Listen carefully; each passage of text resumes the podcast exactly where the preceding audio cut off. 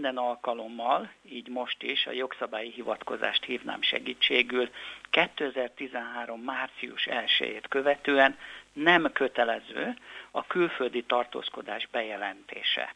Ez a polgárokra van bízva, viszont ha elfeledkezünk a kijelentkezésről, akkor a későbbiekben ez bonyolultabb ügyintézést jelenthet minden állampolgár számára. Hol lehet intézni ezt az ügyet Magyarországon a kormányablakoknál, illetve az okmányirodákban, itt pedig Ausztráliában a konzuli tisztviselőnél, azaz nálunk.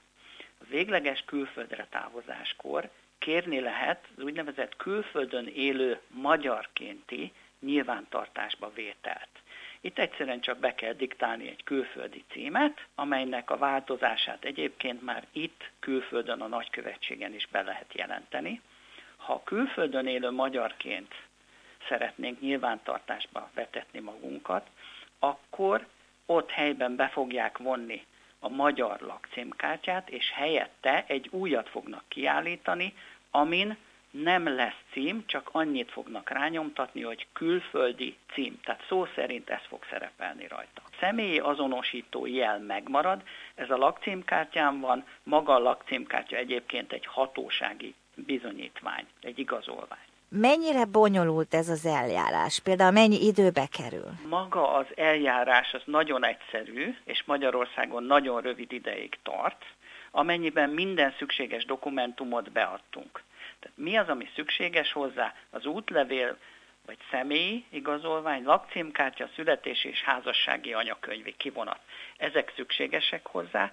Az időintervallum Magyarországon, az okmányirodában a sorbaállást leszámítva 15 perc, itt Ausztráliában, ha nagykövetségen keresztül intézik, akkor két-három hónapot is igénybe vehet ez. Ez jól hangzik. Vannak-e rejtett buktatók?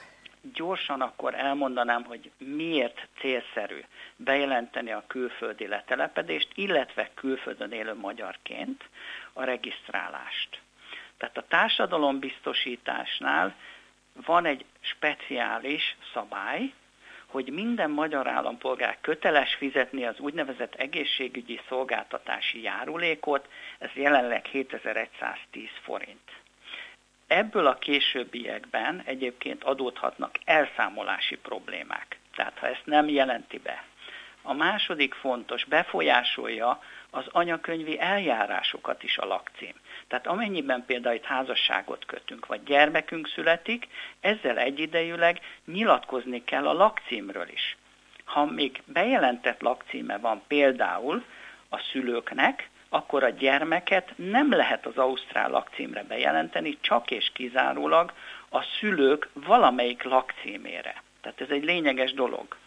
A harmadik fontos összefüggés pedig a választójog gyakorlásával van. Tehát nem mindegy, hogy a polgár magyar lakcímmel bír, vagy külföldön élő magyar állampolgár. Magyar lakcím esetén csak a körzetében szavazhat, külföldön élő magyarkénti nyilvántartott pedig ezt külföldön és levélben teheti meg. Természetesen ezt meg lehet változtatni, de ez mind időbe kerül. Maradt-e ki valamilyen tudnivaló? Nagyon fontos, és itt tényleg szeretném felhívni a kedves hallgatók figyelmét hogy amennyiben eldöntötték, hogy kitelepülnek Ausztráliába, vagy bárhová külföldre, gondolják át, hogy bejelentik-e, vagy sem a külföldi letelepedést, illetve külföldön élő magyar állampolgárkénti nyilvántartásba vételt, mert ez sok mindent befolyásolhat, ahogy az előbbiekben elmondtam.